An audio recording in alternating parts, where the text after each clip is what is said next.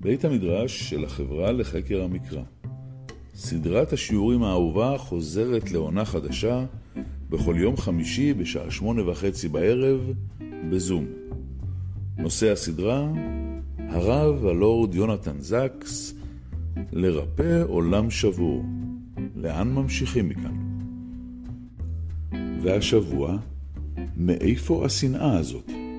עיונים במשנת הרמב"ם והרב יונתן זקס, מאת פרופסור אריה רייך.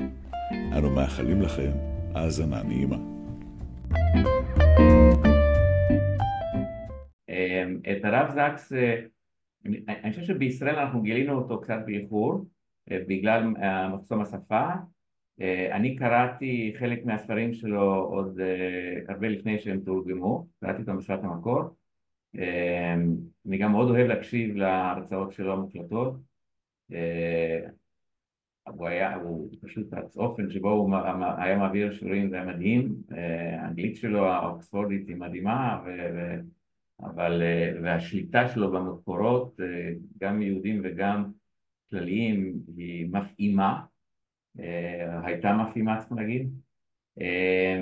אז אני, כן, אני גם כן באמת מעריץ גדול של הרב זקס, זכרונו צדיק לברכה. אבל אני רוצה לדבר קצת על הנושא, כן? מדוע בחרתי את הנושא הזה? אז כולנו התעוררנו בשבת, שמחת תורה, והשמועות התחילו להגיע, אני שמעתי את זה פה משכן, חילוני, ואני לא, היה לי קשה להאמין למשמע אוזניי, ולאט לאט כשהתמונה הלכה והתבהרה, אתה פשוט עומד מזועזע מהאכזריות של המעשים הנוראים האלה. אתה פשוט עומד ולא מאמין, כאילו, מאיפה השנאה הזאת? מאיפה השנאה התהומית המדהימה הזאת שמביאה אנשים שכביכול מאמינים באלוהים אה, לרצוח אלפים חפים מפשע, לאנוס, לכרות ראשים של תינוקות אה, ועוד ועוד ועוד מעשים שפשוט קשה לתפוס אותם ואתה באמת משתאה ואומר מאיפה השנאה הזאת? איך, איך, איך נולדת שנאה כל כך תהומית? כמובן שאתה מיד נזכר, כן, שלצערנו זה לא הפעם הראשונה בהיסטוריה שלנו. אנחנו לצערנו לימודי אה, שנאה בכל הדורות, כמו שאנחנו אומרים בליל הסדר, בכל דור ודור קמים עלינו לחלוטין, אבל אה, אולי, לא יודע, אולי אנחנו, וכמו שאמרת, אני ניצול שואה, כלומר, אני בן של ניצול שואה, אה, אבא שלי היה באושוויץ ובירקנאו ובגטו לוד, וגם אימא שלי הייתה ניצולת שואה, אה, אבל איכשהו חשבנו אולי שאולי זה נגמר, אולי זה משהו שהיה, אבל הנה זה לא, זה כל דור ודור, זה חוזר. אה, ולכן אני מיד אחרי אני, אני מלמד כבר הרבה שנים שיעור ביישוב פה סמוך, יישוב נירי, אמ, זה יישוב חילוני, ואחרי ששמחת תורה החלטתי שמה שאני רוצה ללמוד זה, אה, ללמד אותם זה איגרת הרמב"ם אה, לקהילת תימן, מה שנקרא איגרת תימן, ואני רוצה באמת לשתף אה, את המצגת שלי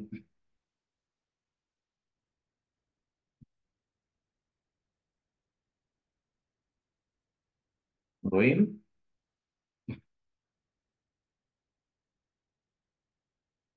כן, בהחלט. כן. אז, אה, אז קצת על, על הרמב"ם. הרמב"ם, רבי משה במימון, חי, חי במאה ה-12, אה, הוא בעצמו חווה אה, שנאה ורדיפות. הוא חי בזמן מסע הצלב השני, שבין היתר עבר גם בספרד, וגם אה, את גזרות שמד האלמווחדים, המעריצי האחדות, שהוא בעצמו נהיה קורבן שלהם מיוחד במרוקו, אה, עד שהוא נאלץ לברוח למצרים. ושם הוא חי את רוב חייו, וגם את האיגרת הזאת הוא כתב משם. האיגרת נכתבה ב-1172 במענה למכתב של רבי יעקב בן רבי נתנאל אלפיומי שהוא היה מנהיג של יהודי תימן הרב אלפיורי מספר לו על כל הצרות שעוברות אה, על הקהילה היהודית אה, בתימן, והרמב"ם כותב את האיגרת כדי לחזק את הקהילה, נוכח הצרות אה, שהיא חובה. הצרות הן משני סוגים, מצד אחד צרות מבחוץ, כמו שאמרתי גזרות שמד של אותו, אותה כת, שבעצם אה, העמידו בפני היהודים בתימן אה, שתי ברירות, או להמיר את דתם לאסלאם או מוות. אבל היו גם צרות מבפנים, היה מומר יהודי לשעבר שכתב דברי שטנה נגדם ומנסה לשכנע אותם להתאסלם עם כל מיני הוכחות כביכול מהפסוקים בתנ"ך אה, וגם הייתה הופעה של משיח שקר. אז, וזה המקום אגב המרכזי שהרמב"ם עוסק בו בשאלה של שנאת ישראל, מה המקור של שנאת ישראל. וכדי לסכם, כי אנחנו רוצים להגיע לרב זק שהוא הנושא המרכזי שלנו היום, אבל אני חשבתי שזה נכון לראות את זה גם על הרקע של אה, הוגים יותר קדמונים, ואגב הרב זקס היה מעריץ גדול של הרמב"ם, לא, זה לא מפתיע כמובן, אה, ואומר הרמב"ם באותה איגרת שהמקור של השנאה של הגויים את, את ישראל הוא בזה שהם מקנאים, הם מקנאים בנו, בזה שהקדוש ברוך הוא בחר בנו, ובעצם הם היו רוצים להילחם בהשם. אי אפשר להילחם בהשם, אז נלחמים בנציג שלו עלי אדמות, מה שנקרא, על עם ישראל. כמו שאומר הפסוק, עליך הורגנו כל היום. כן, הורגים אותנו בגללך כביכול. אה, ו... אה, והרמב"ם אומר שבעצם אפשר לחלק את סוגי ההתקפות, מעשי השטנה נגד אה, ישראל לשלוש כיתות. הכת הראשונה, הוא קורא לזה הכת הנשית. זה אה, קבוצה של, בכל מיני דורות, כן? שמנסים להפוך את הדת שלנו באונס, בכוח, בחרב. אה, ככה מתחת לזה הוא משייך פרעה, את נבוכדנצר ועוד כל מיני מלכים שניהלו איתנו מלחמה, במיוחד בתקופה האלילית. ומדוע מדוע השנאה הזאת, מדוע הקנאה הזאת, ו- ופה אני קצת מכניס את הפרשנות שלי לדברי הרמב"ם, אבל להבנתי, ה... מה אכפת כאילו לגויים שיש לנו דת כזאת ולהם יש דת אחרת? מה זה משנה להם? זה מאוד משנה, מפני שהדת היהודית היא לא רק הדת של עם ישראל, כי אז מה אכפת להם? כי זו, זו דת אוניברסלית, אנחנו בעצם מאמינים במונותאיזם, יש רק אל אחד שברא את כל העולם, את כל אה, בני האדם אה, על פני תבל. ולא רק זה, אלא לאל הזה יש תביעה מכל בני האדם, מכל בני האנוש, יש לו תביעה, יש לו, יש לו דרישות. אה, לא רק להאמין בו, לא רק לדחות את האלילות, אלא יש גם תביעה מוסרית פה. וזה דבר שלמאמיני האלילות מאוד קשה לקבל את זה. כי האלילות היא בעצם אין לה תביעה מוסרית מאדם כן? אם, אם אתם מכירים אה, למשל את המיתולוגיה היוונית או מיתולוגיה הנורדית אה, אז האלילים שם הם, הם בעצם מאוד דומים לבני אדם. יש להם קנאות ומלחמות וחולשות ונקמות וכל מיני דברים מהסוג הזה. אה, ובעצם כל המהות של הדת זה שצריך בעצם לשחד את, ה, אה, את האלילים האלה כדי שייטיב לך, יביא לך גשם, לא יפגע בך, פריון, כל מיני דברים כאלה. ואיך משחדים אותו? מביאים לו קורבן, כן? זה יכול להיות קורבן של בהמות, חיה, גם לפעמים גם קורבן אדם, את הבן שלך או, או, או, או מישהו אחר. ו... אבל זהו, ברגע שנתת את השוחד שלך, אתה בסדר, יותר מזה לא צריך לעשות. ופתאום בא, באים היהודים ואומרים לא, לא, לא, לא ככה, אסור לרצוח, אסור לגזול, אסור לעשוק, אה, אה, צריך אה, לדחות את האלילות, אסור לגילוי עריות, כן? למה שאנחנו קוראים לזה שבע מצוות בני נוח. היהדות היא טובה, אמנם לא 613 מצוות, מהגויים, אבל כן שבע מצוות בני נוח שהן כוללות לא מעט. וזה הדבר שמפריע בעצם אה, לגויים במשך כל השנים בכל מיני צורות, כאשר בתקופה האלילית הם מנסים בהתחלה אה, להשמיד אותנו או להפסיק את, ה, את, את קיומנו עם התביעה הזאת שהולכת יחד איתנו, עם הבחירה הזאת שאנחנו נבחרנו בה, באמצעות הכוח הזרוע. הכת השנייה, הוא קורא לזה הרמב"ם כת הטוענת טענות. פה הכת הזאת מנסה להקשות על דתנו באמצעות ויכוחים, פילוסופים נהלו ויכוחים, כן? אתם אומרים שאל ברא את העולם, אנחנו אומרים שהעולם הוא קדמון, תמיד היה קיים, וכל מיני טענות מהסוג הזה. והסוג השלישי זה כיתות שבעצם יוצרות דתות שמדמות לתורת ישראל, כן? אני קורא לזה סוג של חדירה מבפנים, ופה הוא מתכוון אה, כמובן לנצרות ולאסלאם. אה, כי בעצם הנצרות מקבלת, וגם האסלאם מקבלת קודם כל את המונותאיזם היהודי, כן נכון יש באמת אל אחד בלבד, קיבלנו, לא רק זה אנחנו מקבלים גם את הקדושה של הספר, כן התנ"ך הוא ספר קדוש, אה, אלא מה שאומרים הנוצרים התנ"ך הוא הברית הישנה ואנחנו באים עכשיו עם הברית החדשה, והקשב עליכם להצטרף לברית החדשה כי בעצם צריך, כן, האל שלח את משיחו או את בנו והוא אומר לנו שעכשיו צריך אה, לקבל ברית חדשה והיא שונה ובואו תצטרפו אה, אלינו. אה, והאסלאם אומר כן הוא שלח נביא חדש נביא שהוא אחרון הנביאים מוחמד שמו והוא עכשיו תובע שתצטרפו לדת החדשה הזאת שלכם. אומר רמב"ם זה מאוד מתוחכם כן? זה רואים שאתה לא יכול, you can't beat them, join them, אז כאילו they join us, הם מצטרפים כביכול אלינו, מקבלים את עיקרי, אבל מבפנים אומרים, כן, אבל עכשיו קיבלנו את העקרונות שאתם מדברים עליהם, רק עכשיו תצטרפו אלינו בצורה כזאת נוציא אתכם מהיהדות המקורית והאותנטית. ועל זה אומר הרמב"ם שהניסיונות של הדתות האלו להגיד שהם בעצם גם כן דת אלוהית היא, היא מגוחכת והיא חסרת כל אה, בסיס, כן? הוא מדמה את זה לדמיון שבין בובה לבני אדם, כן? מי שהיה למשל במוזיאון השעווה בלונדון של מדאם טוסו, מסתכל על אה, אה, בובת שעווה כזאת, נראה בדיוק כמו, כמו בן אדם, כן? יש לו עיניים, אוזניים, פה, הכל, כמו בדיוק כמו בן אדם, בגדים וזה, אבל כמובן שזה לא בן אדם, אין לו חיות, אין לו נשמה, הוא לא יכול לזוז, עיניים להם ולא יראו וכולי. אומר אותו דבר זה הדתות האלה, הן רק נראות מבחוץ כאילו שהן דתות אלוהיות וקדושות וכל זה, אבל אין, זה שום דבר, זה, זה, זה ריק מכל תוכן כדוגמת הבובה ושוויונה, יותר נכון אי שוויונה ודמיונה לבן אדם אה, אמיתי. אה, אז איך להתייחס לשנאה הזאת אם ככה? הוא אומר לא צריך לפחד מההשמדות האלו, מהתוקף של יד האויב, כי הכל זה רק ניסיון ובחינה להראות את אה, אמונתכם וחיבתכם בעולם, כך אומר הרמב"ם, הוא אומר מי שעומד בניסיון ומצליח בכל אופן לדבוק בתורת השם למרות כל הלחצים הללו, הוא מוכח שעמד בהר סיני. הוא מביא פסוק ככתוב וגם בך יאמינו לעולם, יש פה איזו הבטחה ש, שלעולם כל מי שעמד בהר סיני יאמין אה, בקדוש ברוך הוא, יאמין בתורת משה, לעולם. ואם מישהו נשבר אז כנראה שהוא כנראה אולי לא עמד בהר סיני או אבי, אבות אבותיו לא עמדו בהר סיני וככה הרמב"ם מחזק את הקהל היהודי התימני שלו.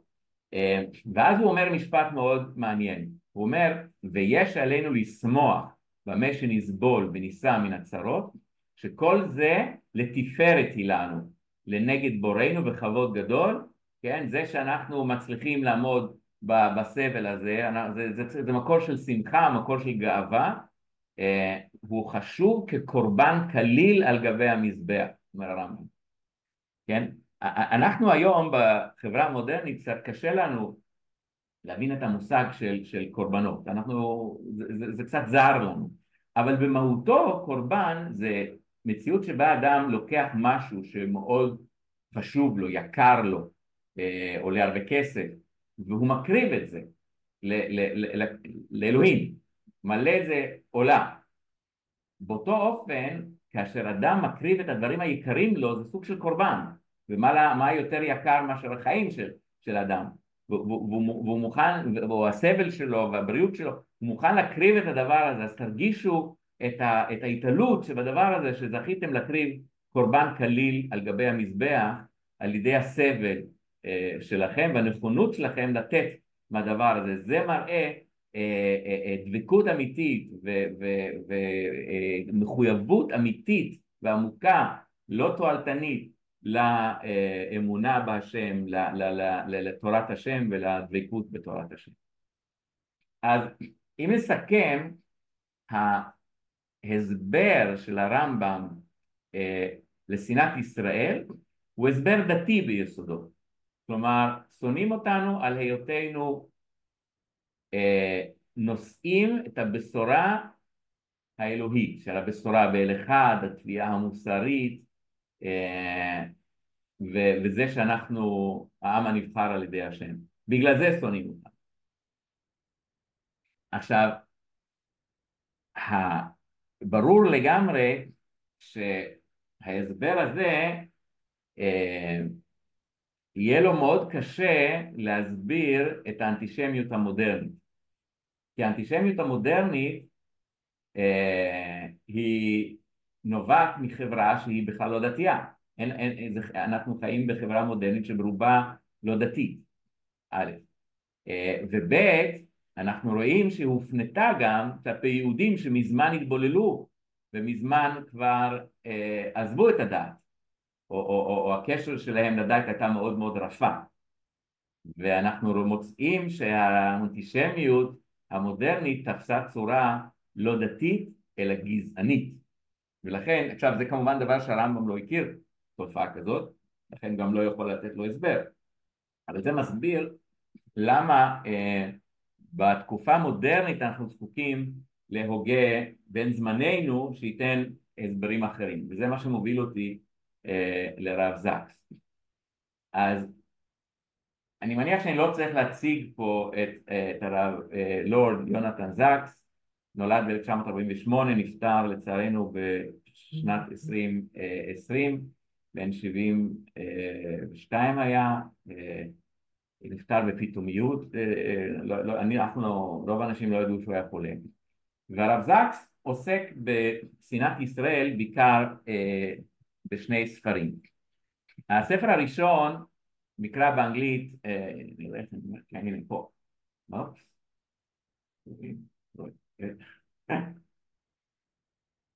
טוב, מתקשר, תסתכלו בתמונה, במצגת. הספר הראשון נקרא בלשון עתיד, באנגלית in future tense, חזון ליהודים וליהדות בתרבות הגלובלית.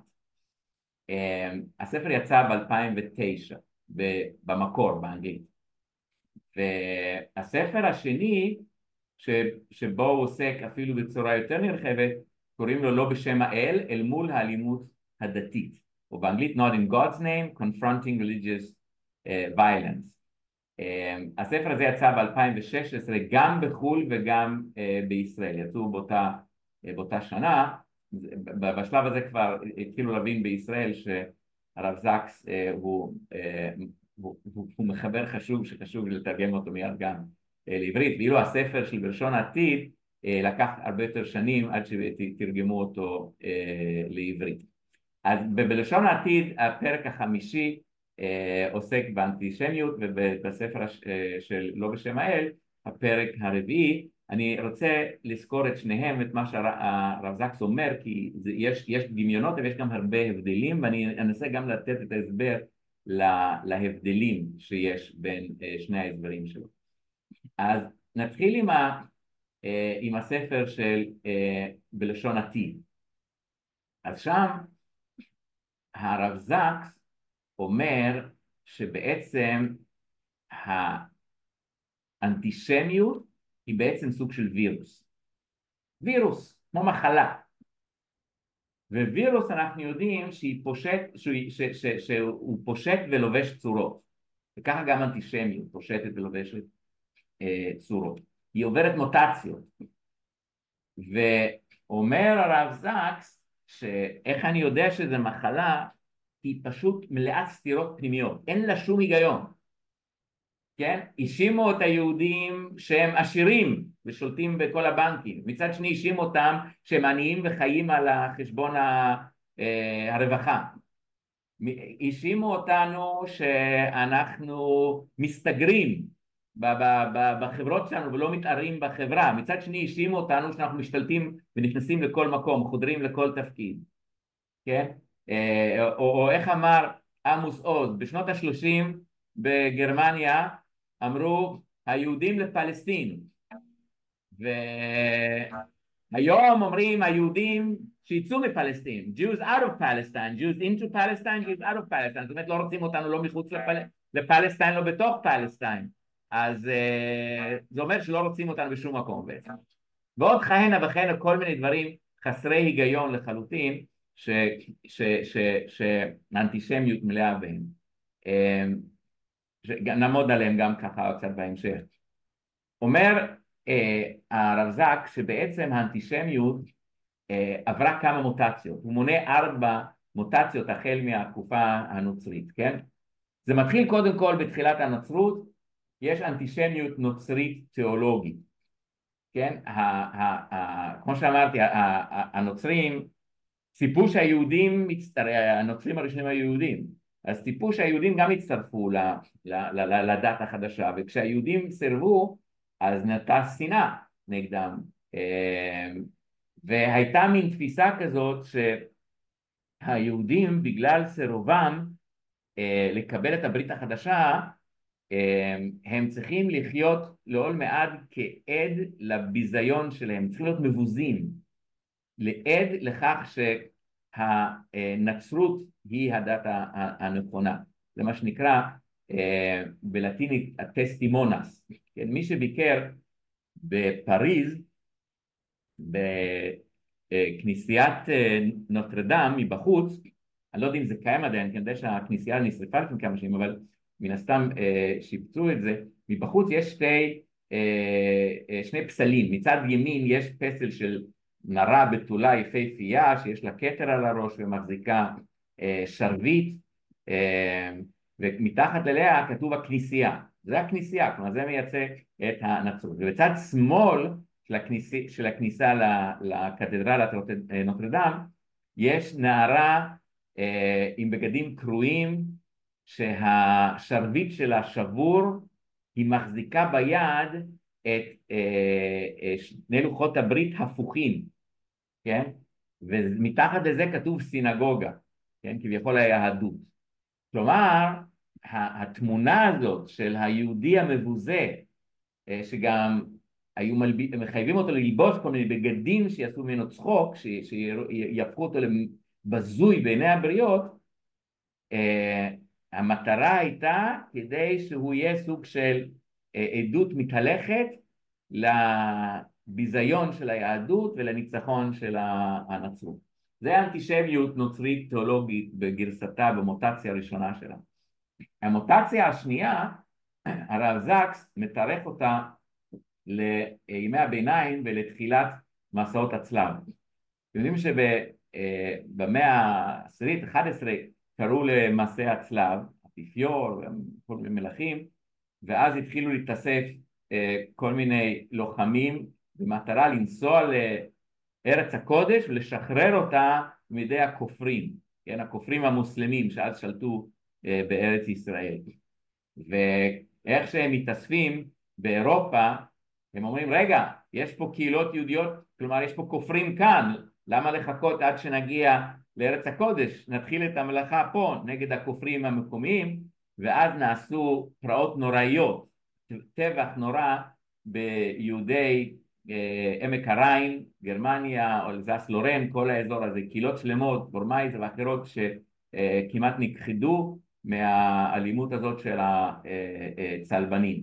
וקורה פה משהו שבעצם הופכים את היהודים לסוג של דמון, של, של, של, עושים דמוניזציה של היהודים בצורה בלתי רציונלית לחלוטין, הם כביכול אשמים בכל הרעות שקיימות בעולם, הם מרעילי בארות, אם יש אה, אה, מגפה שחורה אז היהודים אשמים בזה, כל, כל, כל הרעות הם סוג של שטן, הם שליח השטן, זה כבר לא רק בעיה שהם לא קיבלו את היהדות, את הנצרות, סליחה, אלא הם כביכול שליחי השטן בכבודם ובעצמם כי מי יכול להרוג את האל? הרי ההאשמה היא שיהודים הרגו את ישו.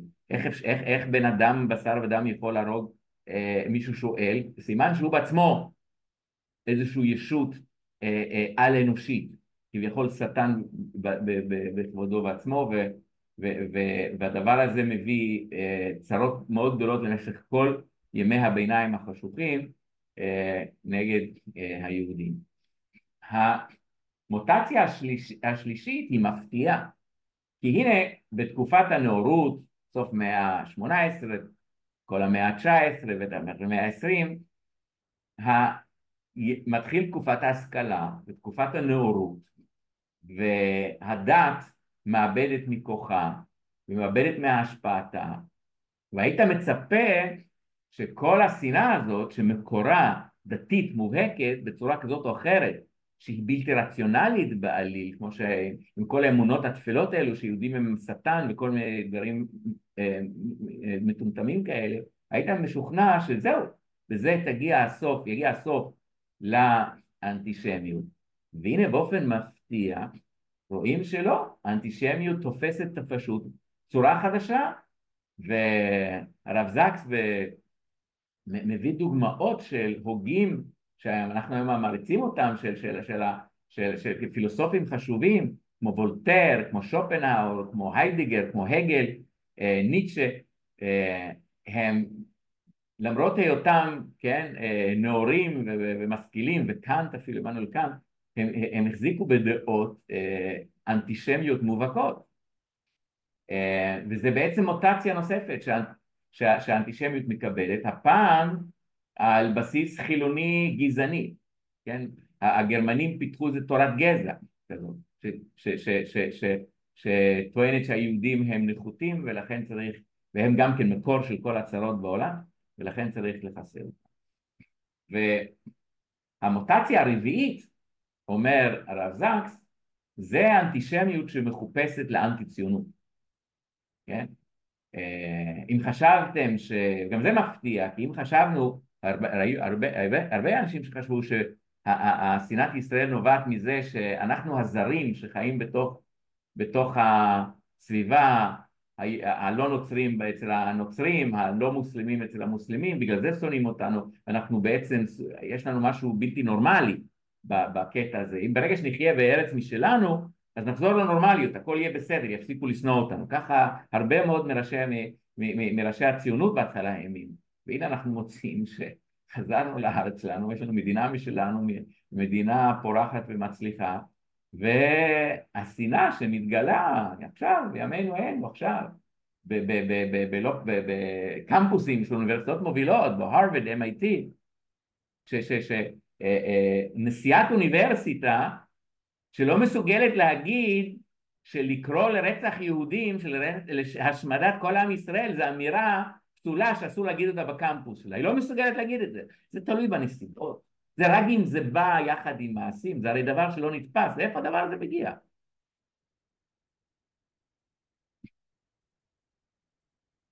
אז אלו המוטציות ש... ש אה, אה, אה, שהאנטישמיות אה, עוברת על פני השנים.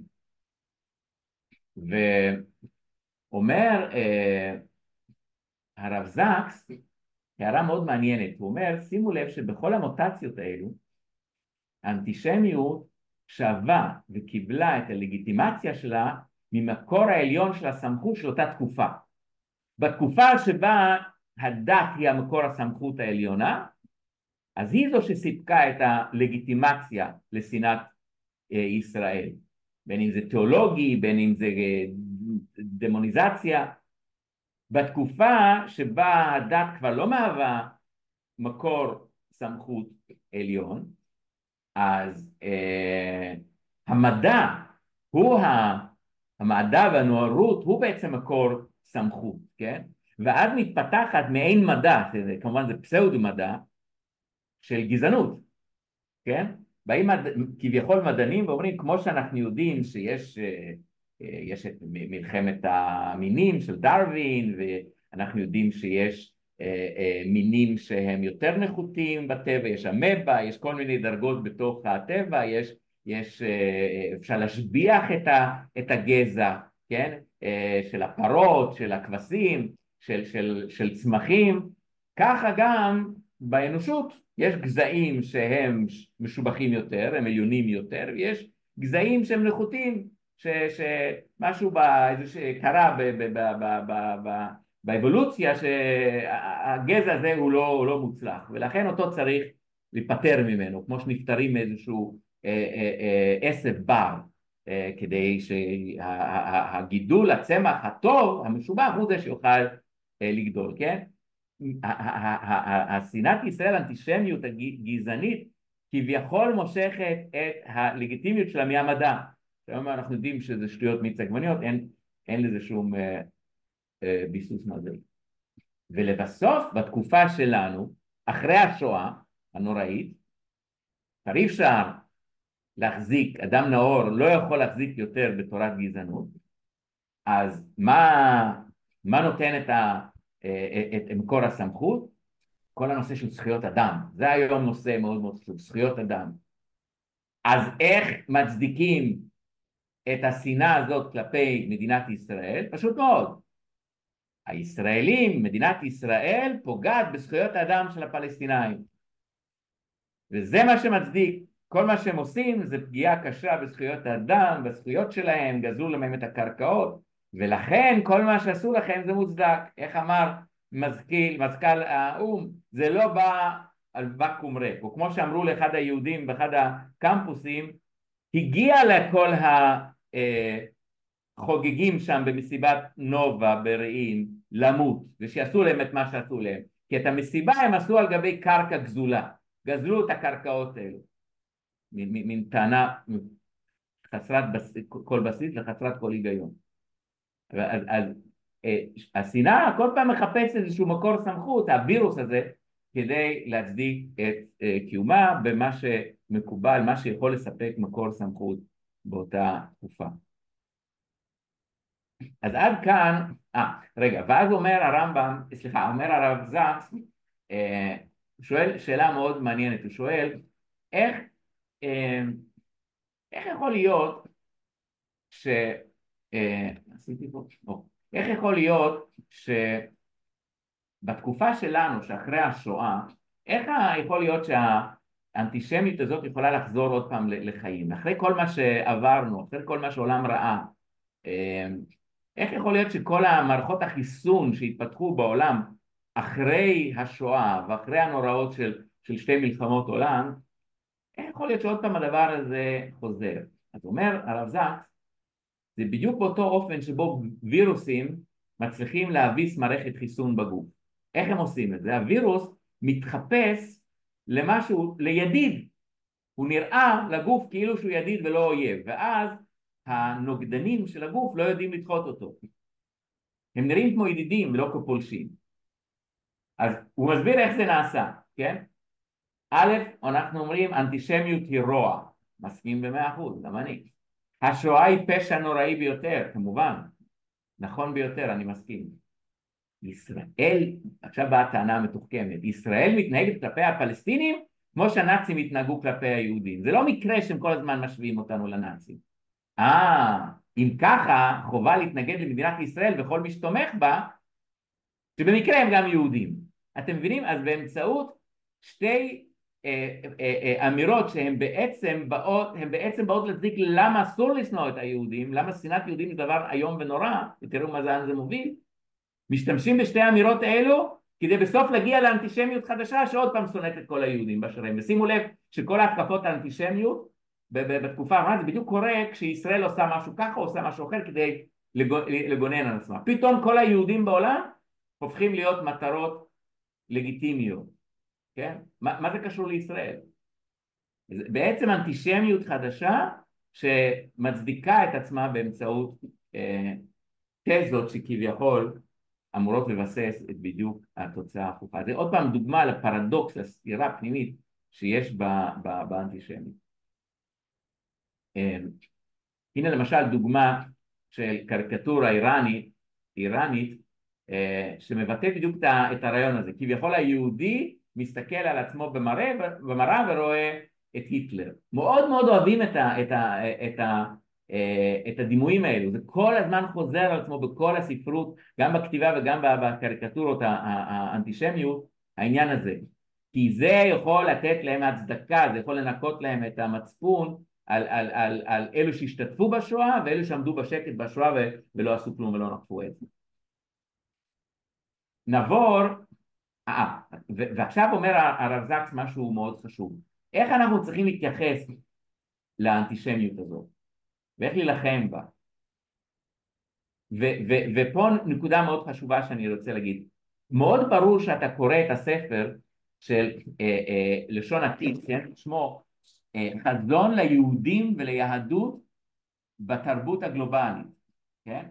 ברור שזה ספר שנכתב בעיקר לקהל יהודי. ופה בעצם הרב זקס פונה ליהודים, הוא אומר להם, אסור לכם להפנים את המסר האנטישמי.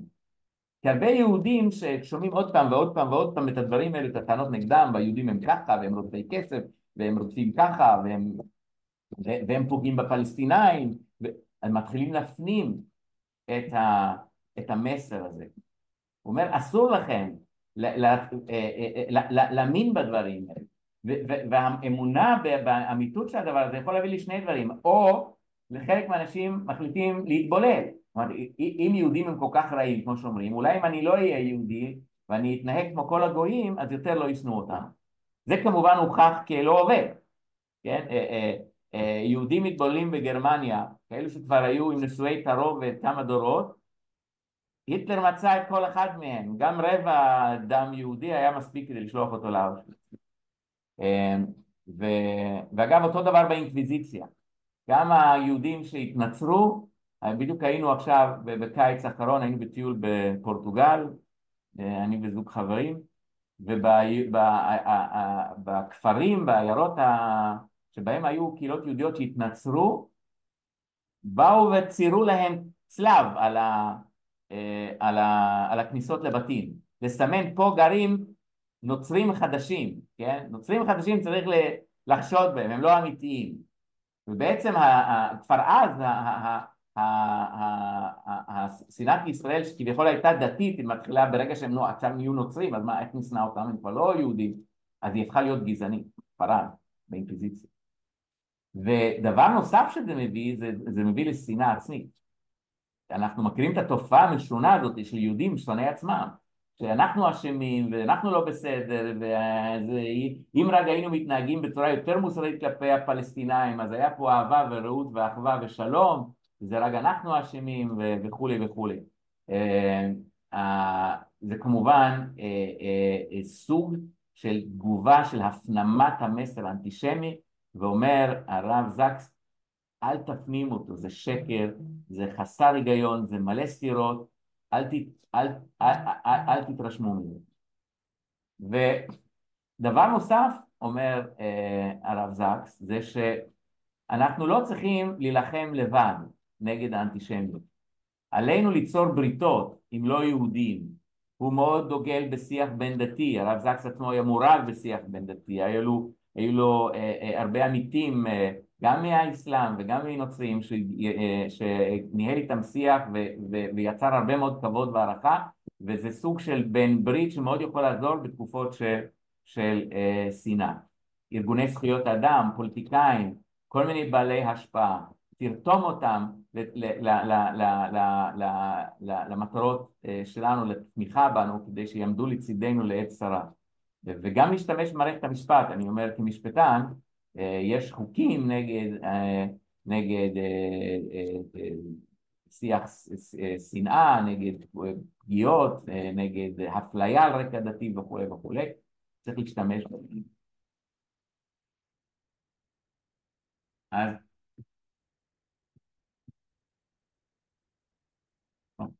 זה דוג, דוגמה של, של ברית, כן, זו דוגמה של מנהיג הארגון אה, רבני אירופה שנפגש עם בכיר באיחוד האירופי.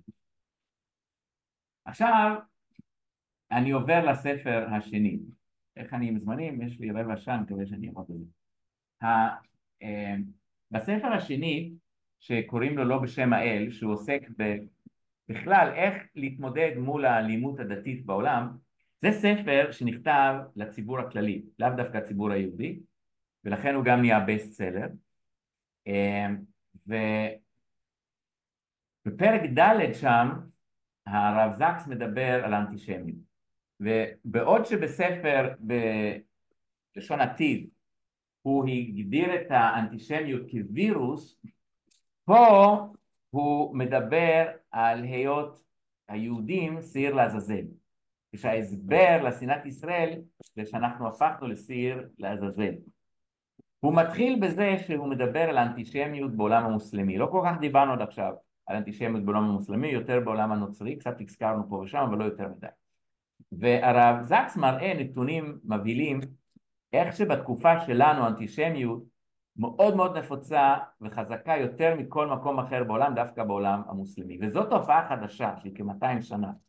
לא היה ככה. אם אנחנו משווים אחורנית אלפיים שנות גלות שהיינו גם בארצות אסלאם וגם ארצות נוצריות, דווקא האסלאם היה הרבה יותר סובלני כלפי היהודים מאשר אה, הנוצרים. נכון, היו מדי פעם תקופות, כמו זו שהזכרנו אצל הרמב"ם, והיו תקופות אחרות, אבל בסך הכל, אה, ברוב התקופות לא הייתה שנאת ישראל תאומית בין המוסלמים והיה סוג של סובלנות. אולי, אולי היה איזשהו סוג של אה, אה, בוז שחשו כלפינו, אבל לא, לא כזאת אנטישמיות ושנאה. וזה דבר שהשתנה 200 שנה האחרונות. ומה שדבר מדהים, שהרב זקס מראה אותו, זה שהאנטישמיות המוסלמית אימצה רעיונות מתוך הנצרות, מתוך עולם המערבי. כולל דברים שלא עושים שום שכל, לא עושים שום היגיון אה, בתוך האסלאם וגם לא בתוך היהדות, כן? אה, ניקח למשל את הנושא של עלילת הדם. מה אומרת עלילת, הטענה של עלילת הדם? זה משהו שהתחיל בימי הביניים באנגליה, כש, כשהיה אה, את תקופת הדמוניזציה של היהודים, כן? טוענים שאנחנו היהודים, כדי להפות מצות לפסח, צריכים דם של ילד אה, נוצרי. ולכן כשמוצאים איזה ילד נוצרי נרצח, אז מיד החשד נופל על היהודים. עכשיו זה דבר שהוא חסר כל היגיון מבחינה יהודית. הרי ליהודים אסור לאכול דם, לא של בהמה ולא של, של בן אדם ולא של אף אחד אחר. ומצות עושים אותו מקמח ומים וזהו. מאיפה בא הרעיון המטורף הזה שיהודים משתמשים בדם כדי לפות מצות? אני אגיד לכם, זה רעיון נוצרי. כי ה...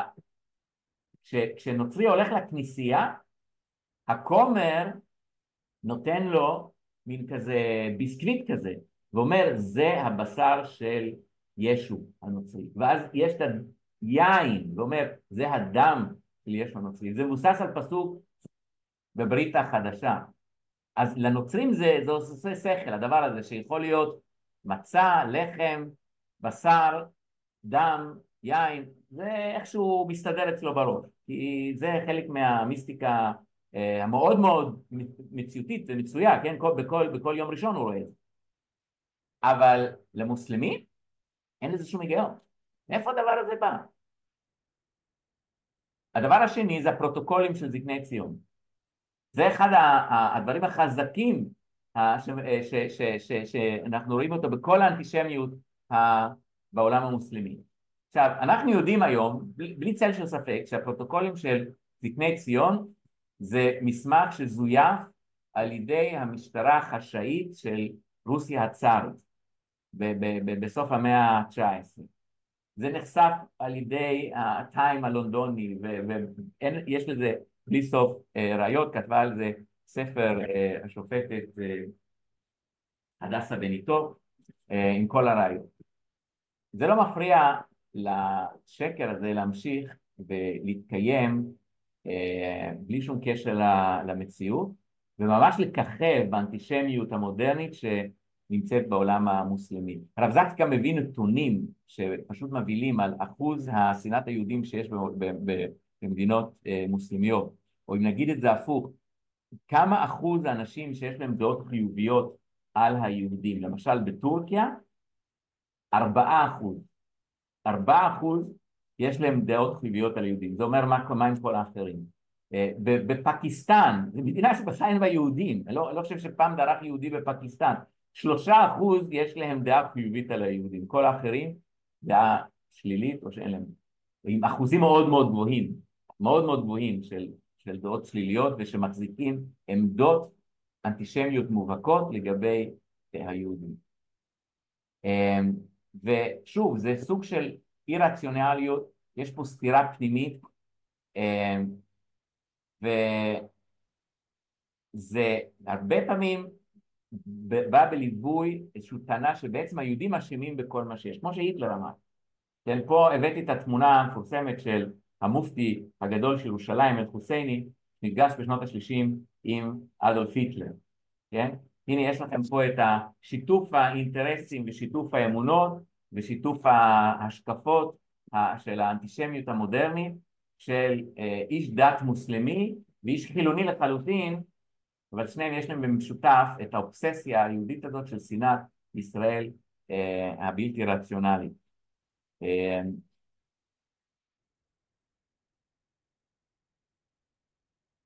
ופה הרב זקס אה, מסתמך על אה, תיאוריית השעיר לעזאזל של אה, פילוסוף, סוציולוג, הוגה, צרפתי, אמריקאי בשם רנה ז'ירר.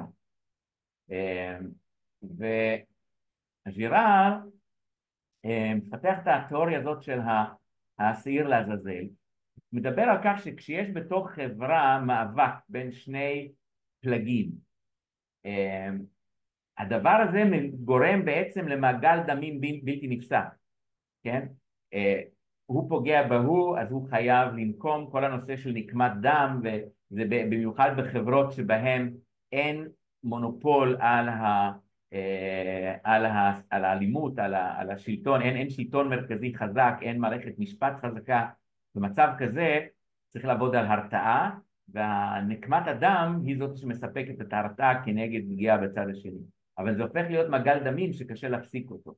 הדרך היעילה ביותר אומר גירה להפסיק את מגל הדמים זה להרוג צד שלישי אבל אתה לא יכול סתם ככה לנסוע לסין למצוא איזשהו סיני שתהרוג אותו כי זה לא, זה לא עושה שכל. אתה צריך מישהו שאפשר להגיד שהוא בעצם אשם במה שקרה. אה, ו...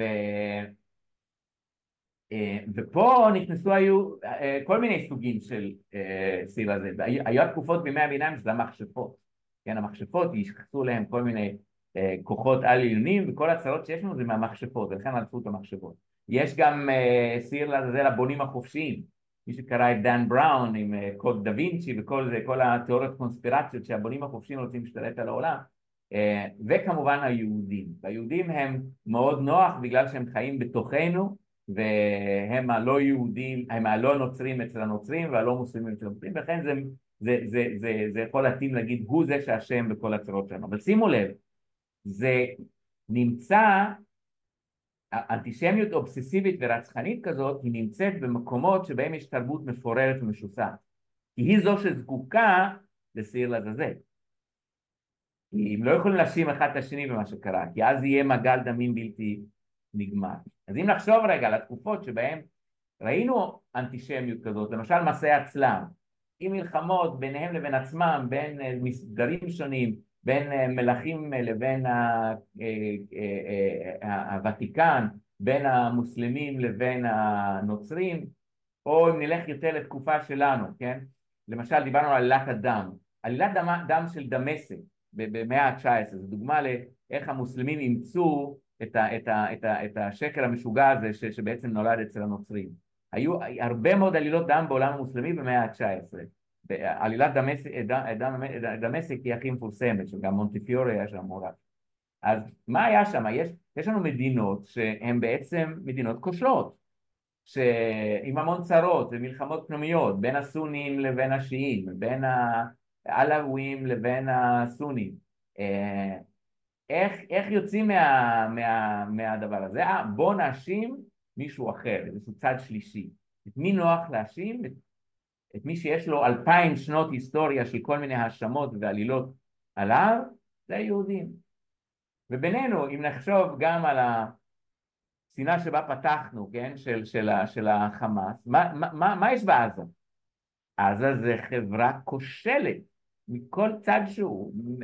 המקום הכי דחוס בעולם, עם ההנהגה הכי גרועה שבעולם, שבמקום להשתמש במשאבים שלו לפיתוח כלכלי ולהיטיב את מצב חייהם של האזרחים, הם משקיעים את זה בלקנות אה, טילים ולבנות אה, פירים ועוד פירים ועוד מנהרות ועוד מנהרות ועוד מנהרות ועוד מנהרות. אה, אז מה צריך כדי לתחזק סוג כזה של שלטון? צריך אה, איזשהו שעיר לעזאזל, אפשר להאשים אותו והכל, ואז העם לא יהיה עסוק בלהבין שמשהו לא, משהו לא הגיוני, משהו דפוק באופן ההנהגה שלו. למה מצבו כל כך גרוע? מצבו כל כך גרוע בגלל ההנהגה שלו, לא, לא בגלל משהו אחר, לא, אז אנחנו נגיד שמצבו גרוע בגלל יהודים, וככה מפתחים שנאה.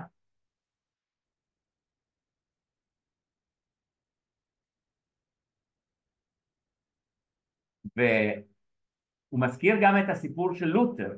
היית מצפה שכשלותר מגיע ובעצם יוצא נגד אה, הוותיקן והקתוליות, שיהיה איזשהו שינוי בתפיסות אה, ובדעות הקדומות האלו שהכנסייה הקתולית טיפחה.